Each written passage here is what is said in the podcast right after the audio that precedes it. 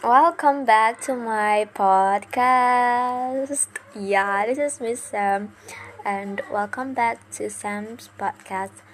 Podcast that no title. Okay.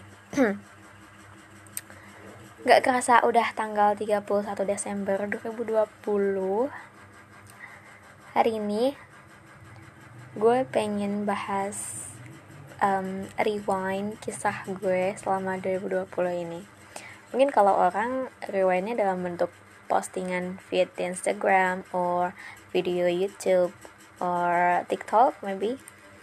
But uh, I want to make it differently. Ya. Yeah. Karena tahun 2020 ini kalau menurut gue apa ya roller coaster banget ya gak sih langsung aja yuk ini dia Sam's Life Rewind 2020 Oke, okay, di Life Rewind 2020 ini gue pengen membuatnya seperti sebuah cerita. Cerita yang yang di mana gue pengen pendengar gue mendengarkannya seperti membaca sebuah dongeng. Uh, gue coba ya. Bismillah Hai, gue Sam. Lengkapnya sama Ratu Bahita Umur gue 18 tahun. Di tahun ini. Tahun depan ya udah tambah lah. Tahun ini 2020 Baru aja mau berakhir. Sedikit lagi. Dan gue mengalami banyak hal di tahun ini. Suka, duka, ketidakterdugaan, ekspektasi yang berlebihan, atau sesuatu yang sama sekali gak gue perkirakan. Banyak banget. Tahun 2020 gue awali dengan penuh harapan. Serius. Waktu 2019 mau berakhir gue bikin semacam resolusi buat 2020 ini resolusinya sebenarnya nggak muluk-muluk. Cuma gue berharap banget tahun 2020 bisa jadi tahun yang bermanfaat buat gue produktif buat gue. Lalu tahun yang um, penuh kesan lah ya penuh kesan dengan yang hal-hal positif dan hal-hal baik pokoknya gue sangat berharap sekali 2020 ini lebih membuat gue bermakna memaknai hidup gitu loh. Oke singkat cerita datanglah bulan Januari. Bulan yang singkat gak kerasa karena gue waktu itu masih kelas 12 dan masih penuh dengan tanggung jawab-tanggung jawab yang perlu gue selesaikan sebagai seorang senior di SMA gue. Singkat cerita lagi, akhirnya bulan Januari itu habis tanpa tanpa terasa. Lalu bulan Februari datang. Dan itu kalau bisa dibilang bulan-bulannya sebagai um, sebagai siswa kelas 12 yang lagi sibuk-sibuknya. Ya nggak sih? Buat kalian angkatan tahun 2020 yang seangkatan sama gue bulan-bulan itu tuh banyak banget tantangan ya dari sekolah dari dalam diri dan dari lingkungan juga. Kita udah tahu kalau misalnya ada suatu virus yang menjangkit di seluruh dunia. Tapi negara kita tidak kena, belum kena. Meralat ya, belum kena. Tapi kita sombong. Ya, gue pikir Indonesia sombong sekali waktu itu. Um, menganggap bahwa kita kebal, kita tidak akan kita tidak akan terjangkit kita tidak akan mengalami pandemi berkepanjangan salah besar ternyata. Dan itu membuat gue sedih di kemudian hari. Oke, singkat kata, Februari ini cuma dipenuhi oleh tugas, portofolio, tugas-tugas akhir, persiapan kuliah, belajar, tugas, belajar lagi, konsultasi, cari-cari universitas, belajar lagi, tugas lagi, dan sebagainya. Oh iya, um, tahun ini gak ada praktikum ya. Eh, ya maksudnya tidak ada ya praktik uh, uh, apa sih namanya um, tes tes tes praktek gitu ya adanya portfolio oke okay. dan selesainya selesailah tahun eh bulan Februari masuk ke bulan Maret mulai gempar. Ya mulai gempar. Gak ada yang tahu kan kalau misalnya pertengahan Maret ternyata ada satu orang warga negara Indonesia yang terjangkit virus ini. Akhirnya geger. Gue yang udah mau UN semasa itu tiba-tiba harus diliburkan. UN digantung. Seminggu sebelum UN, gue masih ingat banget. Waktu itu um, gue ada plat uh, pelantikan ekstrakurikuler di sekolah di SMA gue. Dan gue sebagai senior kelas 12 yang sat, uh, yang ikut dalam pelantikan itu nginep di sekolah. Waktu itu sama temen gue gue nginep di sekolah dan bilang gini kapan lagi ya kita kayak gini? Ngelihat langit malam dari sekolah. Kayaknya ini terakhir deh. Kira-kira begitulah gue bilang. Dan bener dong ternyata itu terakhir kalinya gue melihat langit malam dari sekolah ya. Hari itu juga diumumkan bahwa Indonesia harus melakukan PSBB karantina. Sekolah diliburkan. Kantor juga. Banyak pegawai pegawai-pegawai swasta. Karena di sini adalah mayoritas uh, mata pencariannya pegawai swasta yang bekerja sebagai buruh pabrik. Maka uh, kena dampaknya tuh sangat ya sangat sangat sangat terkena menurut gue. Apalagi ayah gue juga termasuk salah satunya. Diliburkan banyak yang kena kena imbasnya pedagang pekerja anak sekolah semuanya akhirnya terkurung di dalam rumah. Satu hal yang gue syukuri waktu itu adalah gue gak jadi UN iya gue bersyukur banget. Karena jujur um, buat UN gue gak siap banget. Karena sepanjang sepanjang apa ya sepanjang bulan waktu itu sepanjang bulan dan sepanjang hari lah gue lebih mempersiapkan untuk ikut tes SBMPTN dan ya ikut ya pokoknya belajar untuk uh, ikut-ikut tes masuk universitas. Gimana pun gue juga mau masuk universitas yang bagus dong. Gak ada persiapan untuk UN sedikit hanya sedikit mungkin. Hampir tidak ada. Dan saat UN dibatalkan oh gue senang bukan main walaupun walaupun sebelumnya gue harus menjalani kehidupan sebagai kelas 12 yang sempat belajar online di rumah selama dua minggu. Sebelum uh, wacana uh, bukan wacana sebelum UN diberitakan tidak jadi. Dan kita akhirnya lulus dari nilai ujian sekolah. Ya untungnya waktu itu sudah ujian sekolah. Lalu akhirnya tahun berganti eh tahun berganti tanggal berganti hari berganti bulan berganti. Kita kita lockdown berapa bulan? Maret April 6 bulan 8 bulan sampai Desember. Ada yang lockdown sampai Desember ini.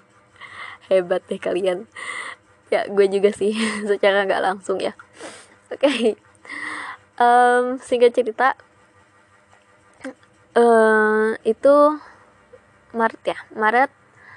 Nah April ini adalah event yang paling gue inget di April ini ada pengumuman S SNMPTN pengumuman hasil akhir SNMPTN gue gagal. Karena ya menurut gue pilihan gue terlalu tinggi. Dan gak sebanding sama kemampuan gue dan ya sama usaha gue gak sebanding. Oke okay lah gue terima dengan lapang dada. Tapi setelah momen SNMPTN dan gue gagal beberapa minggu setelahnya atau beberapa hari ya? Aduh gue lupa. Maaf ya ingatan gue agak-agak kurang. Jadi ini adalah uh, garis besarnya aja. Akhirnya pengumuman SNMPN juga keluar. SNMPN itu FYI buat lo yang belum tahu. SNMPN adalah seleksi penerimaan S seleksi nasional SNM uh, eh, seleksi nasional aduh lupa M-nya. Pokoknya itu seleksi untuk uh, politeknik politeknik negeri ya. Pendidikan negeri yang lewat jalur rapot. Hampir sama kayak SNMPTN yaitu dengan nilai rapot terus uh, terus uh, apa namanya prestasi gitu-gitu. Dan gue waktu itu juga sempet daftar SNMPN juga. Pilihan pertama Politeknik Negeri Bandung jurusan bahasa Inggris. Jujur ya ini gue cerita sedikit kenapa gue memilih Politeknik Negeri Bandung jurusan bahasa Inggris sebagai uh, pilihan pertama gue. Padahal itu apa ya di luar di luar bayangan gue banget bisa masuk dan akhirnya dapet di sini. Karena uh, aslinya gue tidak terlalu tertarik dengan politeknik serius. Gue cuman beranggapan bahwa gue harus masuk universitas ya universitas negeri. Jurusan sastra Indonesia sastra pokoknya sastra apa pun itu. Karena ya emang menurut gue gak ada yang paling gak ada yang paling menonjol di diri gue selain bidang sastra. Ya akhirnya gue uh, menetapkan bahwa ya pokoknya gue mau masuk ke dalam kebahasaan sastra itu. Tapi di politeknik itu susah banget nyari jurusan yang terkait seperti itulah linguistik tentang sastra bahasa. Nah tadinya awal politeknik gue berekspektasi untuk masuk ke politeknik politeknik uh, namanya pol Polimedi Politeknik Media. Eh iya pokoknya di Jakarta. Jurusan penerbitan. Tapi itu gue jadiin pilihan kedua karena setelah melihat-lihat lagi Politeknik, neg Politeknik negeri yang paling bagus di Indonesia itu ada PENS Politeknik, Politeknik Elektro iya gak iya kan? Pokoknya di uh, Semarang ya kalau nggak salah. Terus sama Polban Politeknik Negeri Bandung. Karena di Pens itu gue nggak nemu jurusan yang gue pengen alias di sana teknik semua jurusannya. Dan gue uh, no teknik lah ya karena gak ngerti gitu loh. Gue udah sudah tidak mau per teknik per teknik teknikan. Maaf ya bahasa agak kacau. Akhirnya gue memilih Politeknik Negeri Bandung karena di sana ada jurusan bahasa Inggris. Gue baru tahu ada jurusan bahasa Inggris. Wow dan oke okay, gue jadi ini sebagai pilihan pertama. Karena gimana pun Polban lebih bagus. Ya kak. Akhirnya gue jadi pilihan pertama. Dan setelah um, menunggu ya Polban itu jadi tipikalnya dia harus ini dulu kirim berkas terus daftar terus oh, ya pokoknya uh, ribetnya tuh di awal kirim berkas segala macam. Dan daftar ya tentunya. Setelah kirim daftar dan menunggu sampai waktu hari pengumuman tiba gue sama sekali gak berekspektasi gue akan lulus di politeknik ini. Karena gue udah down jujur down juga waktu tahu gak keterima SNMPTN gue udah menyiapkan untuk SBM belajar ya gitu. Latihan-latihan soal pun gak banyak-banyak amat karena gue bukan anak yang maniak belajar. Jangan di jangan dicontoh. Akhirnya di hari itu pagi-pagi gue inget banget. Pagi-pagi gue bangun tidur gue sama sekali lupa kalau itu adalah hari pengumuman. Teman gue nelpon teman gue nelpon yang kemarin gue ajak buat ngepodcast bareng si Husnul. Dia yang nelpon gue. Karena dia juga ikut SNMPN dia telepon gue dan dia dia eh dia nelpon apa ngechat ya? Oh ngechat. Sorry sorry. Salah. Dia ngechat gue dan mengabarkan bahwa dia keterima masuk uh, lolos SNMPN Politeknik Negeri Jakarta jurusan jurusan jurnalistik. Ya jurusan jurnalistik uh, eh, PNJ salah.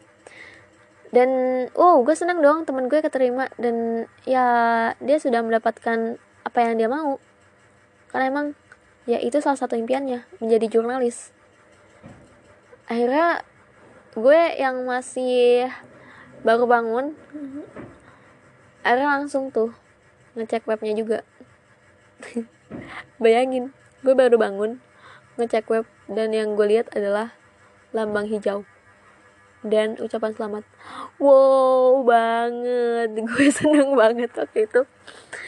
Senengnya tapi apa ya gimana sih lo tuh baru bangun tidur terus kayak dikabarin bahwa lo mendapat rezeki nomplok gitu. Ya menurut gue itu rezeki banget lah. Dan well uh, bengong. Dan akhirnya ya udah uh, gue bilang ke keluarga gue nyokap gue yang sujud syukur. Ya gue sujud syukur juga sih. Terus oke okay, singkat kata era gue keterima di Polban jurusan bahasa Inggris. Jadi gak bahasa Inggris. Ya sekarang lagi gue jalanin. Akhirnya uh, setelah pengumuman itu setelah berunding cukup panjang juga dengan orang tua gue dan diri gue sendiri. Ya gue berunding dengan diri gue sendiri untuk memecahkan masalah. Gue tidak jadi mengikuti SBMPTN ya gue nggak gue nggak mengikuti tes SBMPTN gue nggak ikut itu karena gue um, ya adalah alasan-alasannya salah satunya alasan finansial dan alasan lainnya yang tidak bisa gue sebutin. Era gue tidak jadi ikut SBMPTN dan bertepatan bertepatan bertepatan saat itu pandemi lagi melonjak ya lagi melonjak lagi banyak kasus banyak banget kasus sampai kayak di mana mana di TV hampir setiap hari. Ya bertanya corona koroncu itu gak sih? Kayak ya pasti ada kabar terbaru ada aja yang kena.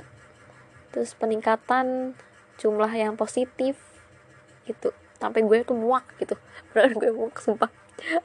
Gue gue berharap gue tuh tapi untungnya itu gue udah lulus ya jadi kayak ya udah lah gitu uh, tidak terlalu berpengaruh karena udah gak sekolah online juga kan. Dan gue cuma berharap waktu itu corona bisa berakhir saat gue mau masuk kuliah. Jadi gue nggak perlu ngerasain yang namanya belajar online. Tapi itu cuma angan belaka. Sedih banget. Oke. Okay. selesai bulan April kita masuk ke bulan Ramadan bulan Ramadan. Ah uh, ah ya. Tahun 2020 ini juga. Menurut gue uh, tahun ini apa ya? Tahun yang sedih buat gue karena corona. Tapi gue senengnya tahun ini gue bisa produktif lagi. Ya gue produktif lagi. Jadi di saat ramadan itu um, gue ikut kelas ramadan ramadan kelas nulis tapi sebagai admin sebagai salah satu uh, petugas bukan petugas apa sih namanya uh, pemberi tugas buat anak-anak yang belajar di grup di grup WA gitu. Jadi komunitas gue bikin suatu kelas kelas gratis kelas kelas literasi gratis gitu dan gue menjadi salah satu adminnya di sana. Well itu ngisi ramadan gue banget sih. Biar gak terlalu gabut ya. Dan sambil-sambil gue uh, kenalan sama banyak orang di sosmed karena corona kan ya. Terus gue kenalan sama orang-orang di luar negara. Dan itu buat gue punya sahabat baru. Ya dari luar negara. Lumayan lah.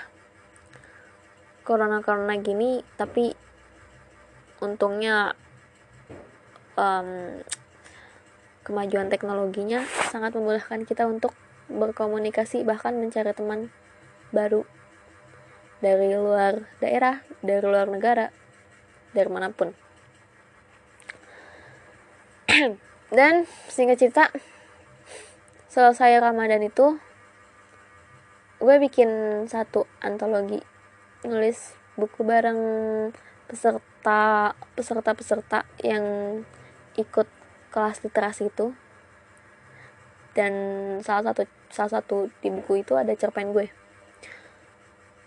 Udah terbit sekarang gue lagi nungguin nyampe ke rumahnya aja. Udah pe udah udah terbit ya pokoknya udah udah proses dan ya tinggal nunggu kurir aja datang oke okay. uh, semakin membosankan karena udah kalian pasti ngantuk nih dengerinnya gue tahu nggak apa-apa karena ini emang gue rancang untuk pengantar tidur aja sih kapan pun gue mau ngupload kapan pun kalian dengar semoga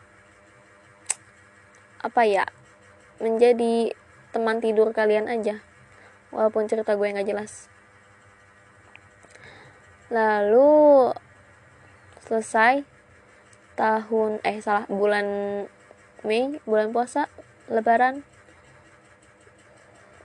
Bulan Mei Juni Juli. Juli gue ulang tahun nggak ada apa-apa nggak ada yang spesial. Agustus. Agustus akhir. Akhirnya datang juga hari di mana gue uh, ini masuk masuk kampus bukan masuk kampus bukan masuk kampus sorry. Penerimaan hari apa sih namanya inaugurasi. Kalian tahu inaugurasi gak? Penyambutan mahasiswa baru ya gitu secara online. Iya bener secara online. Jadi kita zoom meeting bareng-bareng yang gak kebagian ruang zoom nonton live di YouTube. Kita dengerin dosen rektor terus uh, kepala sambutan terus menyambut mahasiswa baru. Dan ya perkenalan kampus lalu apa lagi ya? Oh LK LKMM sorry. Uh, PPKK PPKK itu uh, pelatihan uh, pengenalan ya pengenalan kampus gitu kayak mos kalau di SMA PPKK terus udah gitu doang. Seminggu kelar. Seminggu kelar seminggu berikutnya langsung mulai belajar KBM daring secara daring tentunya ya. Dan itu apa ya ekspektasi gue yang awalnya kuliah bakal offline gue bisa ke kampus gue bisa datang ke Bandung. Kayak hancur Han ya ya ya hilang gitu loh. Gila gimana ya? Aduh ya ampun. Men ah.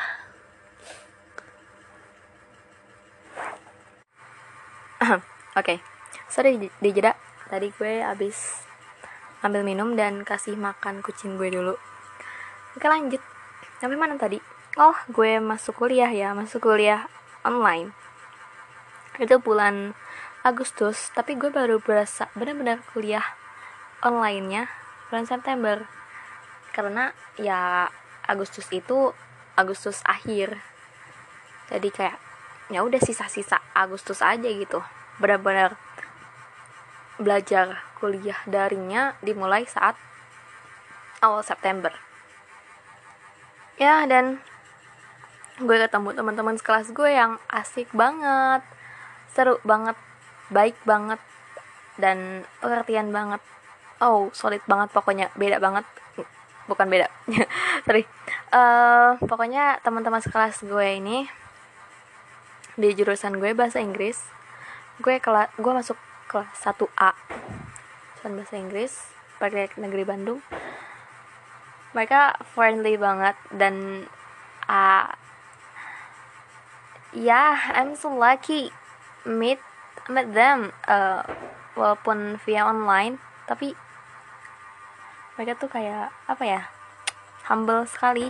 Dan gue yang bukan berasal dari Bandung karena mayoritas di sana mahasiswanya domisili Bandung. Dan gue sebagai yang minoritas yang tidak yang berasal dari luar Bandung itu nggak merasa terkucilkan. Justru gue merasa ini bisa jadi rumah kedua gue gitu. Suatu saat nanti karena belum kita belum ketemu kan ya baru online. Tapi itu juga udah kerasa banget kekeluargaannya dan gue berharap akan selalu terus begini. Sampai nanti. Oh sampai nanti sampai kelas 3 sampai lulus. Maybe. Gue harap sih selalu dijaga terus kekompakan. And then kuliah online selama kurang lebih satu semester telah berlalu. Satu semester kurang ya. Karena gue baru aja UTS kemarin uh, Oktober akhir akhir Oktober. Jadi gue baru kelar semester pertama mungkin uh, kalau nggak Februari Maret maybe. I don't know. I still don't know. But yeah time flies so fast. Gak kerasa udah tiga bulan bahkan lebih. Gue kuliah gue mm, menjalani hidup sebagai mahasiswi online. Ya walaupun walaupun online tapi kegiatan gue gak gak, gak cukup gak terlalu sedikit. Nggak terlalu banyak juga sih. Selain kuliah tetap ada kegiatan organisasi. Gue ikut UKM gue ikut himpunan dan gue ikut pelatihan LKMM LKMM itu by the way um, pelatihan semacam pelatihan untuk mengarahkan kita ke kema. Ya kema itu kemahasiswaan. Jadi kalau di kampus gue untuk ikut uh, bagian dari bagian inti dari suatu struktur kema atau kemahasiswaan kemahasiswaan itu UKM organisasi BM MPM itu harus ikut LKMM dulu. Dan gue beruntung banget bisa jadi salah satu yang ikut itu. Alhamdulillah sudah berlangsung dan lancar. Baru aja kelar um, kemarin uh, bukan uh, minggu kemarin baru aja kelar. Itu LKMM dan segala prokernya program kerjanya. And then udah segitu aja kayaknya deh perjalanan hidup gue sebagai mahasiswa online dan menghadapi corona corona ini. AIDS tapi nggak gitu doang. Di tahun ini tuh gue selain menjadi mahasiswi online baru pengalaman baru ya pastinya. Angkatan 2020 angkatan yang dicap angkatan online angkatan yang lulus karena giveaway.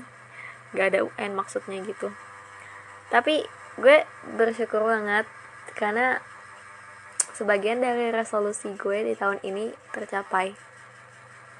Ya. Um, produktifnya gue tahun ini gue udah berhasil nulis karya solo gue yang pertama. Lagi otw terbit doain ya. Itu menurut gue gue senang banget karena gue bisa mengalahkan rasa malas gue rasa inkonsisten gue dalam diri gue itu gue bisa mengalahkan itu untuk membuat satu karya akhirnya. Gue senang sekali. Dan buat kalian um, ya gue harap kalian apa ya?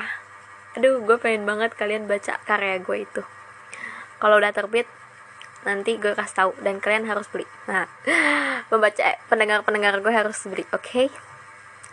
terus apa lagi ya? Oh ya. Di tahun ini gue ketemu orang baru sahabat baru teman-teman baru relasi baru. Kebanyakan dari kampus sih.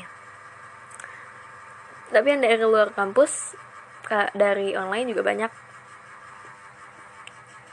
Gue senang sama mereka semua. Mereka baik ramah friendly and yang menerima gue gitu loh.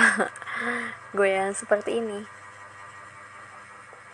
Tapi tetap aja ya tahun ini penuh dengan suatu ya lika-liku. Gue merasa tahun ini gue produktif tapi gue merasa tahun ini juga hancur mungkin tidak hancur sekali tapi sebagian besar hancur. Ya tapi nggak apa-apa. Gue merasa banyak manfaatnya. Salah satunya gue jadi lebih dekat ke keluarga gue. Karena ya enam bulan di rumah men. Gimana gak deket? Yang biasanya gue sekolah waktu pas masih SMA gue sekolah pergi pagi pulang sore bahkan malam tapi ini gue full ada di rumah. Kuliah di rumah. Kegiatan di rumah. Ikut eh, UKM di rumah. Semuanya di rumah. Jadi di mana pun itu gue kembali ke, ke rumah lagi. Gue kembali ke rumah. Gue kembali ke keluarga gue. Manfaat selanjutnya yang gue rasain hmm, ah ya gue nyobain gue sempat nyobain jualan online dan jualan offline saat pandemi. Ya beneran. Uh, ini agak agak balik lagi ya. Jadi pas ramadan itu enggak uh, sebelum ramadan gue sempet kayak jualan offline gitu. Dan gue jadi jadi driver. Jadi ojek jadi gojek gitu bisa jadi orang tukang deliver order gitu loh. Ya mungkin bagi kalian yang uh, apa namanya yang udah menggeluti dunia bisnis gitu bisnis kecil-kecilan gitu udah biasa ya. Tapi buat gue ini suatu hal yang baru gitu. Ya maaf tapi menurut gue ini aneh gitu. Tapi seru. Gimana ya? Emang agak um, agak berkebalikan sih dengan gue di tahun-tahun sebelumnya di mana gue masih pengennya main-main aja dulu tuh. Tapi sekarang gue udah mulai uh, ya gue sudah gue sudah jadi mahasiswi dan ya bukan waktunya main-main banget tapi harus ada waktu mainnya. Paham kan maksud gue? Kalau kata rektor gue belajar belajar yang giat tapi jangan lupa main. Karena main itu salah satu bentuk hmm, distressing kita dari stress. Ya mudah-mudahan lu paham lah ya maksud gue gimana? By the way kalau misalnya ada yang nyadar um, uh, gue udah melenceng ya. Tadi kan sebelumnya awalnya pengen yang nada-nada dongeng gitu tapi well ternyata gue belum bisa.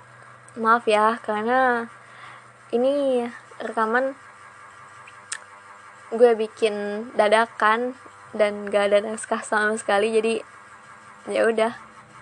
Ini mengalir aja sesuai dengan mulut gue gitu loh. Jadi maaf gue belum bisa pakai gaya-gaya mendongeng gitu. Mungkin lain kali. Maaf sudah membuat kecewa kalian um, untuk ke depannya gue harap 2021 lebih baik lagi. Walaupun gue gak mau berharap yang banyak-banyak ya. Karena uh, bener sih kalau kata orang-orang. Kita sudah cukup dikecewakan oleh 2020 jadi kalau menurut gue resolusi untuk 2021 tidak usah muluk-muluk. Jalani apa yang kita rasa benar jalani apa yang kita suka jalani apa yang kita yakini itu dapat membawa hal positif buat kita. Sayangi orang-orang di sekitar kita, sayangi keluarga, teman-teman, guru-guru, sayangi juga diri sendiri, jangan lupa. Karena diri sendiri itu teman kita, teman kita yang paling dekat. jangan jauh dari agama. Agama itu tonggak. Walaupun gue masih banyak dosa. Ya tapi gak apa-apa lah ya. Kita sama-sama mengingatkan. Gue orang Islam. Jadi buat kalian orang Islam di luar sana untuk 2021 ini semoga tetap rajin ibadahnya ditingkatkan lagi iman dan takwanya. Kita sama-sama belajar. Gue ngomong gini bukan karena gue seorang yang alim. Bukan karena gue baik tapi karena gue mau belajar. Gue mau kalian belajar dan gue mau gue belajar. Menjadi pribadi yang lebih baik ini segitu aja ya podcast kali ini. Wow 36 menit. Mantap. Ada apa lagi ya? Sebentar. Gue inget-inget dulu. Apakah ada pesan lagi buat kalian atau mungkin buat gue sendiri? Oh ya buat kalian terima kasih udah mau mendengarkan podcast ini. Gue tahu ini podcast abal-abalan ece-ece dan sebenarnya tidak memberi manfaat sama sekali kalau kalian menyadari ya. Cuma apa ya? Ini cuma jadi tempat curhat gue aja. Karena gue jarang curhat di diari curhat di orang apalagi di keluarga jarang sekali. Jadi mungkin ini jadi tempat tempat curhat gue tempat berkicau gue. Mudah-mudahan kalian nggak bosen dengernya. Karena gue butuh support support kalian ya ya walaupun baru beberapa beberapa episode baru sedikit episode di sini tapi gue berharap podcast ini bisa gue manfaatkan dengan baik untuk ke depannya. Gue mau menjadikan podcast ini lebih hidup. Doain ya. Gue konsisten. Um, karena jujur um, gue udah sering banget dengerin menonton membaca kalimat-kalimat motivasi yang mengatakan ya just do it. Walaupun gue tahu gue masih abal-abalan gue masih harus banyak belajar. Gue harus berlatih terus. Tapi apa yang menurut gue nyaman untuk melakukannya gue harus melakukan itu. Kalian juga ya just do it. Jangan terlalu pikirin gimana ke depannya gimana efeknya.